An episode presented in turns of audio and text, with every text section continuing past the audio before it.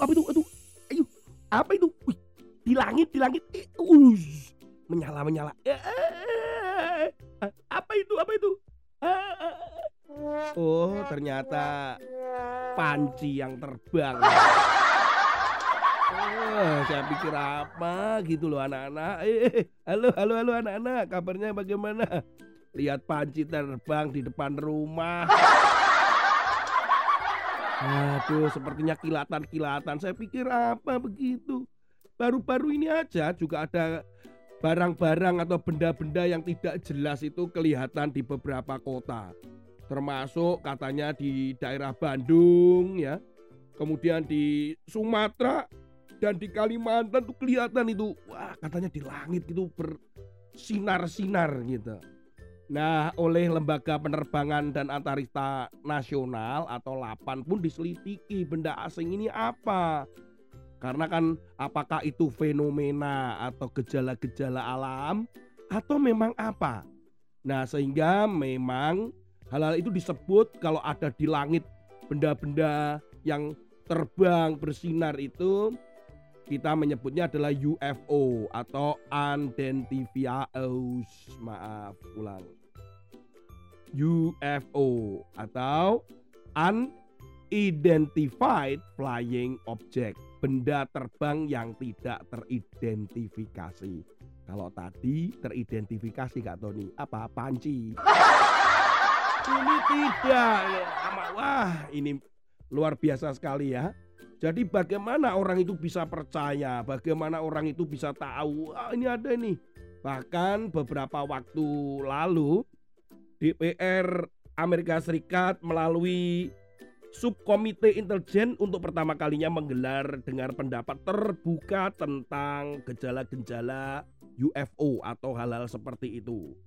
Nah, pemerintah Amerika sendiri merilis dokumentasi lebih dari 140 kasus gejala di udara yang misterius. Nah, tetapi melewat pilot-pilot militer Amerika sejak tahun 2004 itu terjadi dilihat tuh pilot-pilot itu 140 gejala dilihatin oleh para pilot-pilot yang terbang. Ini benda apa itu? Pastinya bukan panci. Ya, karena kan di udara, kan mana panci bisa ada di angkasa begitu. Nah, ternyata dalam beberapa tahun terakhir ini laporan-laporan seperti itu meningkat menjadi kurang lebih 400 laporan. Jadi apa ini benda ini? UFO, UFO, benda-benda yang bisa terbang. Nah, di Amerika Serikat, di dunia ini sendiri masih ada dalam terus penyelidikan. Ada orang yang percaya bahwa ada makhluk lain selain manusia di bumi.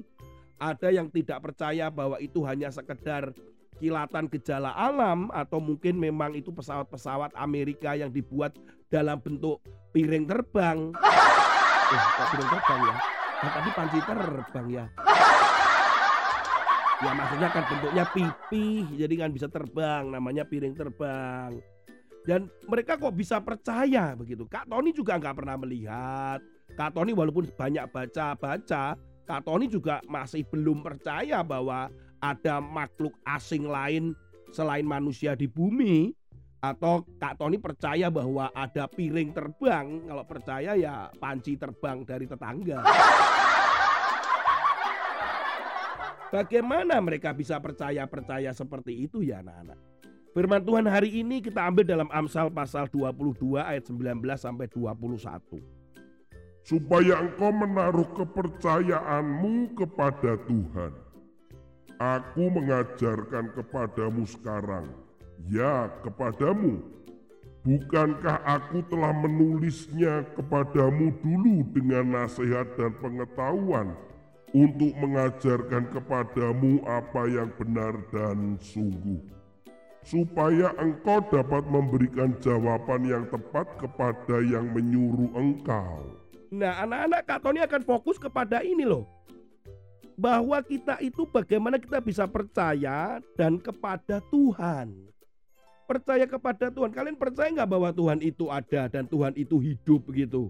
Ayo, bagaimana kita bisa percaya? Seperti orang-orang yang tadi, mereka percaya bahwa ada UFO, ada makhluk lain, ada uh, alien, mereka menyebutkan begitu, ada makhluk di luar angkasa sana. Karena mungkin mereka melihat juga mungkin karena mereka baca-baca dan sebagainya.